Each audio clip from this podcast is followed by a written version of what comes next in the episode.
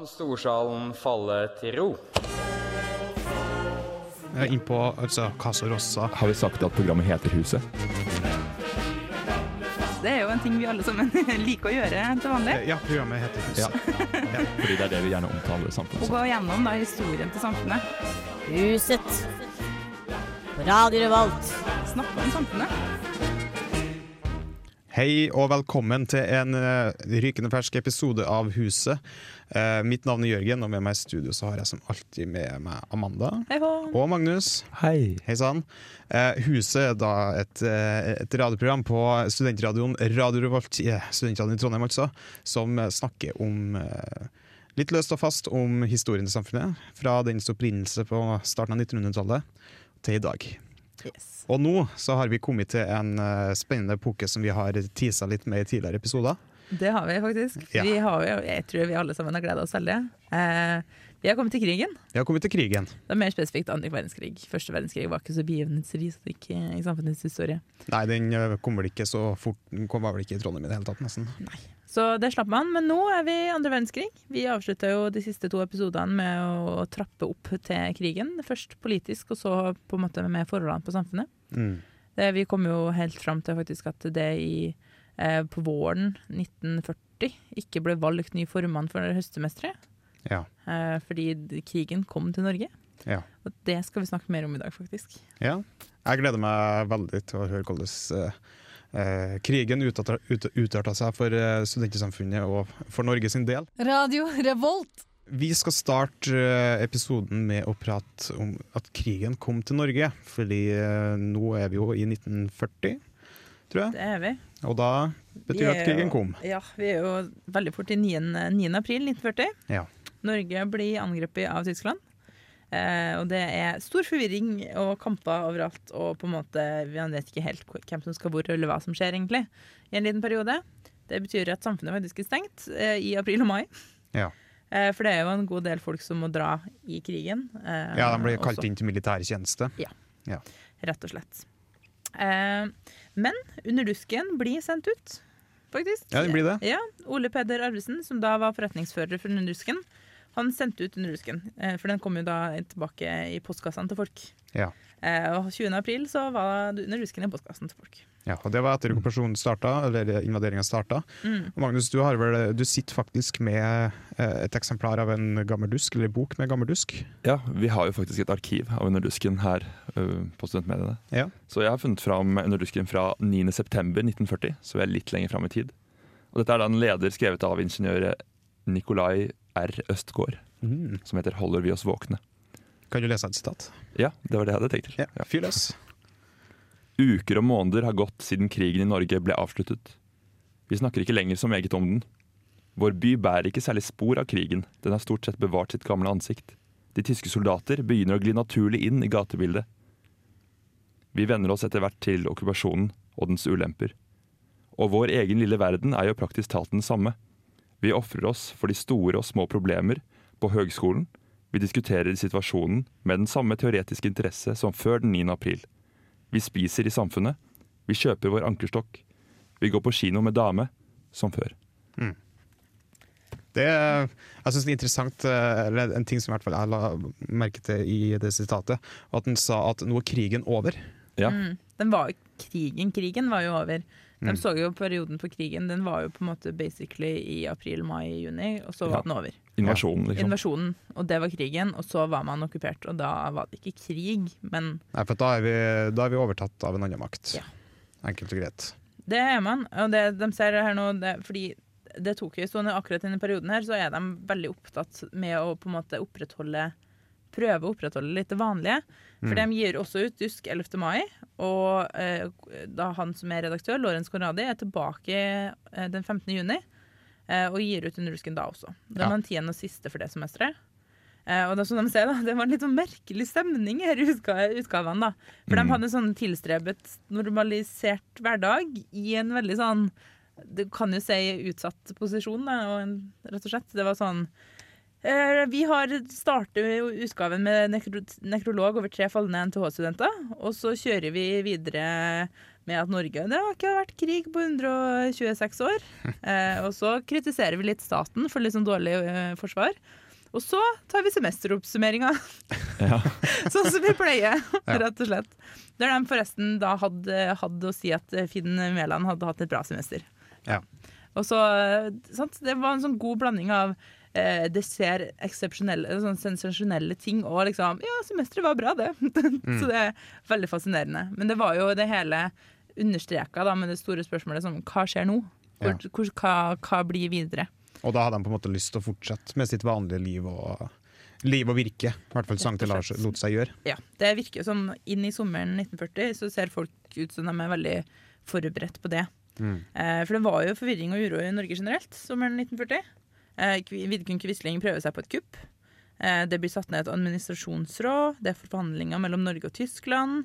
Eh, de foreslår at liksom, konge og regjering skal avstå. De nekter fra England på radio, og det skjer utrolig mye sånne ting rett og slett i Norge generelt. Mm. Og da er jo spørsmålet skal man holde samfunnet gående. Er det det, er det som er fornuftig å gjøre? Eh, og det blir jo et, faktisk et møte mellom alle de fire studentersamfunnene i Norge. Ja. Eh, der de diskuterer akkurat dette. Så på den tida var Oslo Oslo, Ås, Bergen, som var stifta i 1934, og også Trondheim. Ja. Og de ble enige om at jo, vi skal fortsette videre så normalt som vi egentlig får til. Ja. Og det er jo bemerke, Det er jo flott at de på en måte i en sånn situasjon tenkte ja, selvfølgelig av alle selvfølgeligheter, det skal være studentersamfunn. Samfunnet skal fortsette. Men uh, om det faktisk ble sånn, det får vi jo kanskje høre litt mer om senere. Vi har fått en liten eh, intro til Norge i starten av 1940 og midten til 1940. Nå skal vi prate litt om eh, hvordan studentsamfunnet fungerte etter sommeren 1940. Yes. Eh, for samfunnet åpna igjen 14. just 1940. Som alt var normalt. Ja, åpne, vi åpner som normalt, vi. Ikke noe problem. Eh, så hadde de jo det sittende styret, da, for det var jo ikke valgt, som vi var inne på tidligere, formann for det semesteret. Så det Nei. sittende styret hadde første styremøte siden 27. mars. Ja, ja, ja, og bestemte seg for at det skal være samfunnsmøte både lørdag den 17. august og søndag 18. august, faktisk. Jeg kan jeg spørre, ble, ble det valgt en ny leder for den, for den høsten da? Ja, for det, eh, intensjonen var å velge leder på lørdag. Eh, og det gjorde de også. Eh, da er det en gammel kjenning som eh, møter opp. Han har reist fra Oslo. Jeg vet ikke om da dere husker hvem det er det er Amon Henningstad. Han, Ja. eh, han er tilbake, som vi kanskje husker fra sist episode, som bestemte seg for plutselig at ah, jeg tror ikke de har helt tiltro til meg. Jeg tror jeg må steppe ned jeg har brukt mye penger til en telefonsamtale. Oi, da, han, han telefonen Telefonkisen eh, som fjasa masse. Han er tilbake. Flyr opp fra Oslo nei, Flyr og flyr, det gjør han kanskje ikke, da, men reiser opp fra Oslo. Blir valgt Ja. som ny leder av Studentersamfunnet. Nygammel. Jeg syns det er så fascinerende at du har setet ditt i Oslo, og så er du leder for samfunnet i Trondheim. Ja. Eh, fordi, men jeg tror nok på en måte i den situasjonen så var det ikke så mange kanskje som turte. Eh, og dessuten så kanskje det var trygt da, å velge noen man Hadde tiltro til, og som har hatt før, på en måte. Visst Ja. hvor man hadde. I en sånn eh, usikker situasjon, rett og slett. Ja, for at, eh, situasjonen var jo ikke eh, perfekt, sikkert. Og da, jeg skjønner godt at folk ikke kanskje hadde lyst til å ta på seg et sånt ansvar da. Ja, vi, som vi skal se, da, så var han i en ganske pressa situasjon, selv om han ikke helt så godt så kjenner på det sjøl. Eh, fordi han har skrevet da i en eh, eh, Det han kalte Det frie ord, var en artikkel han skrev under dusken, der han skriver følgende. Å være kjernen i det frie ord og den frie diskusjon videre er vårt studentsamfunns oppgave. Måtte vi vise oss oppgaven verdig. For han hadde jo fortsatt lyst til å drive samfunnet med diskusjon og fritt ord og liksom Jo, det skal være, skal være Ja. litt sånn som det var før, rett og slett. Så han hadde jo en plan. Um, den var at de uten hat skulle eh, motsette seg oppuka- ok- er det? Okkupasjon Ja. Nei, det klarte ikke jeg der. Okkupasjon var det. Ja. Personen, ja. eh, Med og da eh, åndelige våpen, som han sa. Altså Mm. De skulle diskutere tema og ta opp debatt, prinsipielle ting. Eh, som da ikke gikk direkte på tyskerne, men som hvis man leste litt mellom linjene, skjønte at dette var kritikk mot liksom Ja. okkupasjonen, rett og slett. Mm. Eh, og så, det som er min favorittiltak, var at de skulle bygge ut klubblivet. Skal ha mer fest! ja, Ja. vi liker det. Vi liker det det. oss litt. Ja, det var, det var litt det for distraksjon, og så var det også for at der kan de snakke fritt. Ja. Eh, så den hadde to Med høyt dundrende 40-tallsmusikk. Yes. Storband og Kanskje ikke. Ja, var det ikke jazz eh, Hitler ikke lagde, likte? Så kanskje det ikke NS likte det heller. Kanskje. Det kan Da blir det va høy Wagner på klubben. Valkyrierittet på full blest. Ja. For Vi snakka litt om sist semester at de prøvde å gjøre på en måte klubbaften til noe mer. Og nå lyktes de for første gang. da. Mm. Eh, A Splendid Eve begynte, var noe de begynte å kalle det. var liksom de kveldene der de hadde dans og kunstneriske innslag og diverse, diverse. Rett og slett. Det ble meget populær. og Som det sto da, det er folk på dansegulvet helt til klokka ett. Og de skulle jo på jobb og forelesning dagen etterpå. Hvordan skulle dette gå? Ja. Eh, Uff a meg. så man dansa rett og slett mer enn før. Og som Henningstad sa da, så var det en reaksjon og avlastning for den ytterste selvdisiplin som krevdes på samfunnsmøtene. Ja. For da var det jo på en forventa at alle skulle holde seg i kragen, og man skulle ikke se noe direkte som kan tolke, altså direkte om tyskerne. Man skulle være Skal være høflig, og i hvert fall virke høflig. ja, virke høflig og snakke i skyene på en måte rundt Ja. grøten litt. Grann. Ja. Eh, sånn at uh, man ikke kan ta samfunnet for noen ting, rett og slett. Da ser vi har et sitat til vi skal få lov til å høre. Ja, vi kommer litt til det. Eh, fordi det det samfunnsmøtene, det funka faktisk. Det at de snakka rundt grøten og alle disse tingene, eh, med kun indirekte kritikk. Eh, første innlederen de hadde, var Lauren Sekhoff. Han var engelsk filolog fra Oslo. eh, og han da tok opp noen sånne eksempler. Eh, der er liksom menneskets kamp mot øglen, som kan skje på masse ulike måter. da. Det var fysisk kamp, og det var fysisk eh, eh, At du var fysisk, lat, fysisk lata som du har gitt deg, men mentalt så var du liksom til stede. Og sånn. Og I den sammenheng så oppsummerte Dusken eh, det han sa da på følgende måte. Da vår styrke er underlegen, må vi heve oss gjennom en sterk åndelig holdning. Denne kan vi nå frem til ved å nyte sannheten. Den sannheten som var livsviktig for menneskene. Makt kan bare for en tvid tvinge frie mennesker. Bajonetten kan brukes til mye, men ikke til å sitte på. Så her ser du på en måte holdningene da, som var i samfunnet. Her skal vi. Vi skal, og for så vidt i hele Norge, da, etter hvert, vi skal yte motstand, ikke direkte, men mentalt. Ja. Med å være sann inni oss, på en Ja, måte. at vi, har, vi anerkjenner ikke dere egentlig, men vi ja. Ja. Vi er nå som vi er, for vi kan ikke vinne en eh, fysisk slåsskamp akkurat nå. Nei, det Ja. hadde vi ikke så store muligheter til. Eh, Men da han Finn Mæland, som var, han var formann semesteret før, han sa at eh, det her er bare tull. Vi må ha en konsekvent holdning overfor en motstander. En motstander, han er jævelen, og alliert, han er en engel. Og det var han, så det ser jo her at det skjer noen brytninger veldig tidlig på hvordan man skal på en måte forholde seg til tyskerne. rett og slett. Ja. Så her har vi da Mæland og Honningstad er Honningstad er fullstendig uenig, rett og slett. Det var Stridens promenadeorkester. Tør jeg si at det svinger gjennom den gamle stad? Det svinger det svinger, si? det gjennom den gamle stad. Om det, om det gjorde det på 1940-tallet er mer usikkert, men eh, Svinga jo på klubben, da. det svinga på klubben, Ja. og studentene hadde lyst til å danse, og de gamle studentene hadde lyst til å danse. Nå skal vi prate litt om Oslo. Vi skal snakke litt om Oslo og Det Norske Studentersamfunn. Da vender jeg tilbake. Eh, fordi de hadde jo valgt en litt annen vinkling på det her forholdet til tyskerne enn det Trondheim gjorde. Ja, det var kanskje i hvert fall litt sterkere ramma Oslo, kanskje. Ja, for de hadde ikke en eh, Hønningstad som sa «Å, la oss eh, snakke om eh, det i skyene og sånn. Mm. Eh, de eh, valgte å starte første møte for semesteret, høstsemesteret med et foredrag om 1905 eh, av Johan eh, Schaff Schaffenberg. Nå er ikke jeg så god på å uttale det, men eh, eh, med da en dagsaktuell virkning. For da hadde jo vi skilt oss fra, i 1905 fra Fra Sverige. Saskania. Ja. Mm. Eh, og nå skulle vi gjøre det samme mot tyskerne. Ja. Ja. De bare kjørte rett på. De bare kjørte kjørt på, for å si det sånn. Ja. Eh, men det førte jo til at noen dager etterpå så ble formannen, eh, Jon Sandnes, og han forelagsholderen begge arrestert. Da kom eh, Gestapo og bare Nei, Ja. dette får dere ikke lov til å holde på med. Yes. DNS, dere skal legges ned. Ja, Samfunnet i Oslo, DNS, ble oppløst. Da. Og eiendommen ble konfiskert. Kjipt. Ja, det, Det- Trondheim gjorde det lurt da å ikke gjøre, kjøre på akkurat ting ja, harde bedre. Snakk om skyene isteden. Det går bedre. Ja, det er tryggere i hvert fall på en måte. Så det, de gjorde rett og slett det. Eh, og det er jo, alt det her er jo i sammenheng, liksom alt det som skjer. da. For Den 25. september så blir konge og regjering avsatt, ifølge det nye styret i Norge. da. Mm. Eh, og det Administrasjonsrådet blir oppløst, og alle politiske partier utenom NS blir forbudt. Ja. Og alle statsrådene da blir bytta ut med NS-sympatisører. Så alt dette her skjer jo samtidig i Norge. Her er jo en veldig sånn grab for power-periode. Eh, så det er kanskje ikke så rart da, at de bare bestemte seg for at det er nok. Mm. Eh, samtidig da, så hadde jo Konradi, som er da redaktør for Dusken, han hadde sagt at det er en god start på semesteret i Trondheim. Men nå måtte vi begynne å tenke på uka 41. Eh, den blir jo kanskje ikke like grand som alltid, men vi må jo begynne å planlegge da, dere. Så er Sånne liksom- evige optimister som bare Ja, nei, kom igjen gutta, nå er det semester. Ja, kom igjen, folkens.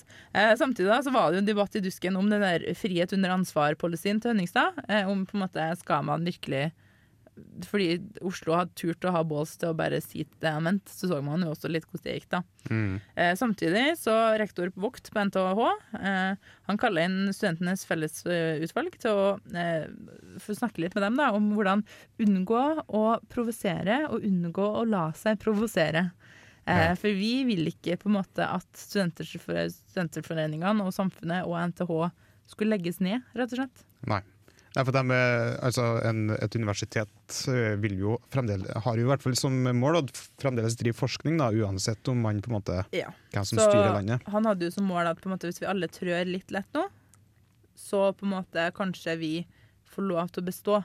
Ja. For da ingen visste jo hvor lenge det her kom til å vare. Nei, det var jo ingen som Eh, gjorde det på den tida, så nei. klart. Hmm. Så det er jo litt sånn fascinerende hvordan alt det her er sett sammen. da. Og det er jo samfunnet sitt 30-årsjubileum oppi det her.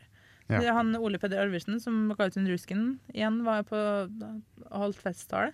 Eh, om at det ikke var tapt frihet og sannhet. da. Eh, og vi har vært så pressa før, så på en måte samtidig så turte man jo å si litt, men man sa A, man kanskje ikke B. Ja. Om situasjoner, rett og slett. Og det var litt om eh, avslutninga, eller litt om hvordan det gikk i Oslo, og hvordan de råd de tok. Og hvordan Trondheim stilte seg til det hele.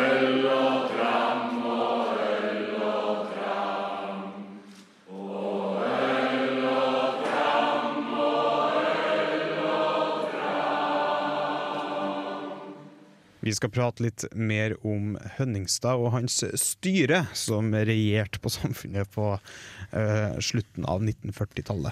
Ja. Nei, ikke 40-tallet. Jo, 1940. Ni- Jo. I 1940. I Ja. 1940. I 1940, Vi er ikke ikke på slutten helt ennå. Da har vi gått litt fort. har Men satt ikke hele krigen, for å si det sånn. for det, det ble jo ganske fort litt konflikt da, da mellom Hønningstad og styret hans, siden han var så vidviftig, og vi skulle virkelig snakke om det her, og ikke provosere noen ting. Men styret var litt mer sånn Kom igjen, folkens. Kom igjen, karer. Herre, Ja. må dere prate litt. Nå skal vi For det første så ville jo styret at de ikke skulle ta opp jubileumsmøte eh, på Bånn. Men Sønningstad mente at det var en dritgod idé. Eh, fordi styret var jo redd for at NS skulle bruke det mot dem i ettertid. Ja, for de, hvis de skulle ha sagt noe på Ja. det Som ikke var helt Altså Hvis man nå snur det og vender på det som man vil. mm. Eh, og for det andre, da, så begynte mange av dem i styret og i samfunnet å bruke eh, toåringer på jakkeslaget. Fordi- Toåringer på jakkeslaget. Ja, for det var en måte å vise troskap til kongen på. Ja. Eh, fordi han var vel sikkert avbilda på dem, vil jeg tro. Ja. Men Sønningstad mente at dette var unødvendig, eh, faktisk. Ja, For kongen var vel i England på den tida. Han var jo eh, flykta, han og regjeringa var flykta til England. Ja. Eh, så det ble jo veldig fort to posisjoner på samfunnet. Det var å motsette seg tysk krav og påvirke tyskerne og NS med åndelige våpen, da, som var Henningstad. Så det var liksom to fronter mot hverandre på hvordan man skulle deale med det her, da, rett og slett. Mm. Og den var jo veldig uklar da, i august-september 40, rett og slett. For da var det liksom hvordan, eh, hvordan, Hva skjer, liksom? Vi vet ikke helt hvordan ting blir. Men når det begynner da å nærme seg oktober, så begynner de fleste å se at vi må ha en veldig klar front. Vi skal ikke ha noe åndelig våpen. Eh, og mens Hønningstad, da, han er fortsatt på det. Eller er litt uklar, som han vanligvis er, da. Ja. Rett og slett. Det er jo typisk. Folk skal aldri være enige om ting. Nei, det har jo vært for dumt, rett og slett. Ja. Eh, og frem til 2. november så er det et helt vanlig semester. Hm. Eh, men så blir Hønningstad innkalt til SIPO, som da er sikkerhetspolitiet, Uh. eh, til tyskerne. Og da blir verva verbalt overhalt, som det står, eller overhøvla, som det står i, i boka, rett og slett. Ja. Så han får seg nok en litt sånn «Hø, ja, hm, en liten talking to. Eh, onsdagen etterpå da, så blir jo hele styret på Samfunnet innkalt. NTHs professorutvalg og representanter for Studentenes fellesutvalg. Eh, hos fylkes, da, nyvalgt fylkesmann Prytz. Eh, for å snakke litt, da.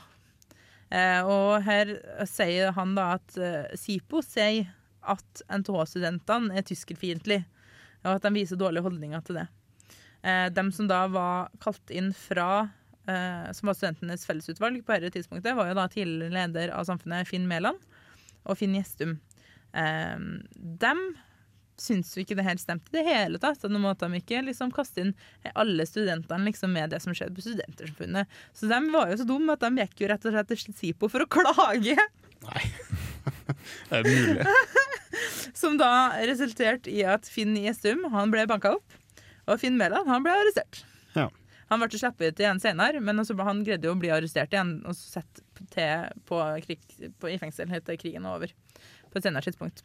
Eh, og da får vi da Finn Gjestum som kom tilbake etter å bli banka opp, som sa følgende. Jeg er viss på at det ikke lenger er tomme trusler, og det er enhver students plikt å vise en verdig og klok opptreden. Så her på en måte ser man jo at ting spisser seg til. da. De begynner virkelig å se alvoret i situasjonen. At det her er, liksom, det er ikke noe man kødder med lenger. Du vet, de tyskerne de, de var ikke så hyggelige som jeg trodde når de invaderte oss. Det virker som de bruker vold og sånn. Ja. Hvem skulle ha tro det i en eh, Til- Jeg har til og med hørt rykter om at de fengsler folk. At de putter dem i leire. Mm. Tenk seg til. Som du sa her, da, at voldsbruken gjorde at illusjonene fordampa. Det er sånn, ja. No shit.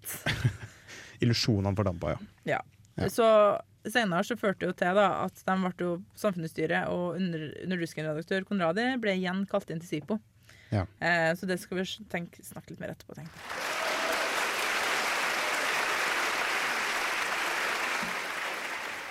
Hvis det var noen som syntes at den låta her hørtes kjent ut, så er det faktisk en original Beatles-låt som heter uh, Maxwell's Silver Hammer. Aha. Fra deres siste, nest siste album, Abbey Road. N- Når du sa, det siste, så føles det som ja, den, Beatles kom ut i fjor. Ja. Så det, Det fra nyeste. Beatles siste album. Ja, Beatles nest siste album. Ja. Uh, men uh, 19, eh, 1969, så det var jo rundt da Beatles eh, Ja, det er ganske gammelt, i hvert fall. Ja, Gammel ukamusikk. Nå skal vi prate litt mer om sikkerhetspolitiet, som vi var så vidt innom i stad. det skal vi, for det ble en uh, stor sak, faktisk. For det, som vi sa sist, så Samfunnsstyret og underdusken-redaktør ble igjen kalt inn til å snakke med SIPO. Ja. Uh, de stilte da tre krav. Uh, For det første så skulle alle foredragsholderne og emner som skulle opp på samfunnsmøtet, de skulle forhåndsgodkjennes. Studentersamfunnets interne teater skulle ikke ha noen flere skuespill. Og hvis de skulle ha det, så skulle de også foreskokjennes.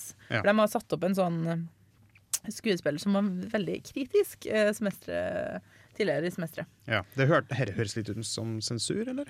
Eh, Jeg skjønner ikke helt hva du mener, fordi alle, alt som skulle publiseres under dusken, skulle også godkjennes. Nei, Så ja, rart. Eh, så det, altså det kunne de jo ikke vært enige om noen av dem skrev under på. Eh, så de skrev under på at de hadde eh, fått informasjonen Ja. om at dette var det sikkerhetspolitiet ville. Men han erkjente ikke, eller ville ikke føye seg for det. eh, nei. Eh, men Hønningstad han ble jo invitert til å bli igjen da, og snakka med doktor Froilich i Rikskommissariatet, avdeling for kultur og propaganda. Mm. Så jeg elsker at det var avdeling for kultur og propaganda. da. Og propaganda, ja. Ja. Ikke liksom noe annet. Ja. Eh, og da sa han da til Hønningstad nå må vi vise hensyn til hverandre. Vi kan jo ikke bare drive på med sånne lynkabaretter som S3 driver på med, og toåringer. Eh, det, vi, det, det ønsker vi slutt på, men det andre Dere må jo få lov til å holde på som dere vil. Herregud, vi har da Vi, vi skjønner da, vi. vet du, Vi ønsker jo ikke å sensurere. Vi vil jo bare passe på at tyske interesser ikke blir kryssa. Ja, vi må passe på det. Ja, ja, ja, ja. Vi skal ikke innskrenke på samfunnets historie hvis dere hører på det vi sier. Eh, I det hele tatt. Eh, men Henningstad så han kom jo tilbake da, ganske fornøyd til styresettet. Men se her, folkens, det vil jo så ikke noe vondt. Det har de sagt til meg. Jeg er sikker på at de kommer til å gjøre som de sier. Ja. Dette førte til en veldig stor splittelse i styret igjen, da. Eh, for dem eh, ville jo ikke at de skulle gå med på det her i det hele tatt. Så klart. Så de kalte jo inn da til et augermøte, et møte med liksom alle som var viktige i samfunnet på den tida. Eh, styret, underdusken-redaktør, finansstyret, rådet og andre sånn viktige personer. Eh, eksempel Tams Lykke og en del sånne ting som bare møtte opp. Mm. De, da hadde de et vedtak eh, som de eh, skulle legge fram. Da. Eh, og da var det bare tre stykker som stemte mot. Det var som følger. Studentsamfunnet er vel sitte overfor et krav om at dets møtevirksomheter skal underkastes kontroll av de tyske myndighetene, bl.a. ved at foredragsholdere og foredragsemner på forhånd skal godkjennes. Studentsamfunnet mener at hele berettigelsen av foredragsmøtene om de saker samfunnet selv ønsker i drøfte. Når denne adgangen bortfaller, vil samfunnet ikke lenger fortsette disse møtene. Da også under dusken er blitt for langt stillet da også under dusken er blitt for langt stillet under forhåndssensur, vil bladet ikke utkomme inntil videre. Studentsamfunnets øvrige virksomheter vil fortsette som før. Så her sier de rett og slett at hvis ikke vi får gjøre som vi vil, så gjør vi ikke det i det hele tatt. Nei, da bare legger vi ned. Da legger vi ned. Vi driter i det. Rett og slett. Dette skulle de lese opp på neste møte, tenkte de, som en sånn eh, vedtaksforslag. Eh, Og som da skal godkjennes av Storsalen. Ja. men så ble det møteforbud fra politiet. Ja. Eh, fordi eh, det var noen eh, NS-folk som har funnet fram noen køller, og som har sagt at vi har tenkt å tømme en sal på lørdag, vi. Ja. Eh, Så de fant ut at det kanskje ikke var tidenes idé, eh, for å unngå masseslagsmål. rett og slett. Ja. For det vet man jo ikke helt hva, som har skjedd med. Eh, og så var det ikke møte uka etter heller, for da var det arrangement til inntekt til Nasjonalhjelpa. Eh, men tirsdag 9. november eh, så blir Henningstad ringt av føreren av NS studentfylkesring. Fylkesting ring, jeg vet ikke helt hva det heter for noe. Eh, og styret sa veldig klart da at vi er ikke interessert i å ha noe møte med noen av dem og snakke med dem i det hele tatt. Vi, dem er fienden. Vi har ikke tenkt på det. Men Henningstad, han dro! Så klart. Fordi- Dialogens mann, Hønningstad. dialogens mann, så han dro jo dit, og da snakka litt sånn eh, De sa at nei, vi har bare snakka akademisk, litt sånn formelt, vi, og ikke lovd noen ting. Eh, men opposisjon, altså opposisjonen mot det her, da, ba jo Hønningstad om å ikke fortsette å liksom opprettholde driften. Eh, men det hørte han selvfølgelig ikke noen ting på. Nei. Eh, så på, samtidig, da, av at han dreper med alt det her, så kom det jo rykter om at han var venn med NS.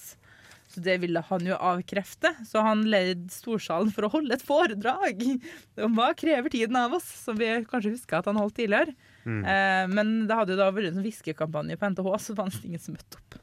Nei. For den var sånn Ikke kom på møte hans, herregud. Så får jeg ikke vært om. Ja.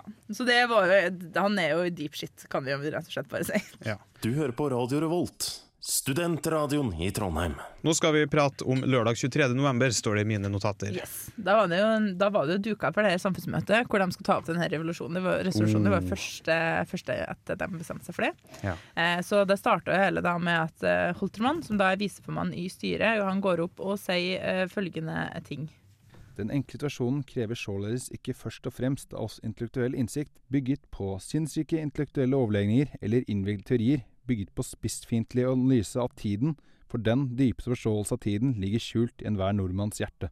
Det er heller ikke med noen som helst snusfornuftig taktikk vi skal frelse fedrelandet. Det er enhver nordmanns rakryggede karakter og sunne og verdige nasjonale holdninger vi eier pantet på Norges fremtid. Så han var litt mann. Kom igjen, folkens. Nå er vi rakrygga, og vi står opp for det vi mener. Og så gjør, sier vi nei til Honningstad og hans dritt. Mm. Eh, Mens Honningstad han sa «Eh, vet du hva, jeg syns det har vært litt sånn følelsesmessig motstand mot tyske myndigheter. Eh, og jeg vet ikke helt eh, eh, hva, hva Nei, det var vanskelig dette der, dere. Mm. Eh, det var liksom ikke en like ille som situasjon som folk skal ha det til, greide han også å si da. Eh, og så har han sagt liksom at vi har jo allerede samarbeida med de herre semestre, så de har allerede godkjent neste semesters eh, innledere. Så det er ikke noe problem det her, folkens. Eh, men så greide han selvfølgelig da å prestere og legge til følgende. Og dessuten, som en selvfølgelig tributt til åndsfriheten, akter jeg eventuelt å innby i løpet av semesteret to av de kommende statsrådene, eventuelt Jonas Lie eh, og Gulbrand Lund, hvis dette passer dem å komme. Jeg vet at det faller ikke så få her i salen tungt for brystet. Man må være villig til å høre på andre hvis vi selv skal ha krav på å bli hørt. Og det må det ha vært ganske dum for å si i november 1940. Ja. Vi vil ha Jonas Lie på besøk. Ja, ja er, ikke det, er ikke det greit av dere? Hva? Hæ? Vi må jo ha rom for diskusjon, ikke sant? Eh, og det var liksom ikke De, de mislikte ikke akkurat Jonas Lie bare fordi han hadde motstridende meninger. Han, de mente jo beint ut at han var en landsforræder. Så at han skulle komme og snakke på Samfunnet, det var så uaktuelt, det. Ja. Eh, så opposisjonen ble jo vedtatt. De vedtar at vi skal ikke ha Nei, vi slutter nå. Eh, Og Henningstad gikk av. Eh, Holtemann blir formann ut semesteret. Ja. Eh, og så velger de, da, velger de daværende redaktør for Rusken, Lorentz Baradi, som eh, formann for neste semester, med akklamasjon. Hmm. Men selvfølgelig, da, like etter det her, så vil jo NS slå et slag eh, etter Honningstads avgang og hang opp plakater på Samfunnet. NS-propaganda. Ja. Holtemann rev dem selvfølgelig ned. Og anmeldte faktisk det her, fordi han mente at de kan ikke komme og henge opp propaganda på den privat foreningsområde. Eh, og to dager etter det så dukker det jo 15-20 eh, hi- hirdemenn, som de heter da, eh, opp og krevde at Holtermann da hengte opp alle plakatene igjen. eh, han sa nei, Nei. eh, og så ble han slått i bakken eh, foran da en fullsatt middagssal med samfunnets medlemmer. Ja. Eh, Det, var ikke enkelt å være leder på den tida. eh, nei. det var ikke det. Eh, så I hvert fall når du hadde en liten røst, sterk røst. jeg, føler, jeg føler det sier litt om samfunnet medlemmer, da, at de hadde den sjølbeherskelsen, rett og slett, å ikke da gå til angrep. For de var jo i stort flertall. Ja. Men gud vet hva det førte liksom oppi det hele. De satt stille i båten på sin måte, sjøl om Mm. de nå bestemte seg for å være litt mer sånn direkte, da. Eller ikke sånn. De skulle ha en hard linje, det skulle ikke være noe kjære mor, rett og slett. Nei. Det var klare fronter. Mm. Og det var, det var så langt vi kom eh, om akkurat det. Ja, det var det faktisk. Ja. Eh, før vi får Ukas uke, eh, som blir et eh, interessant segment. Nå er det på tide med et skikkelig norsk laugalaga.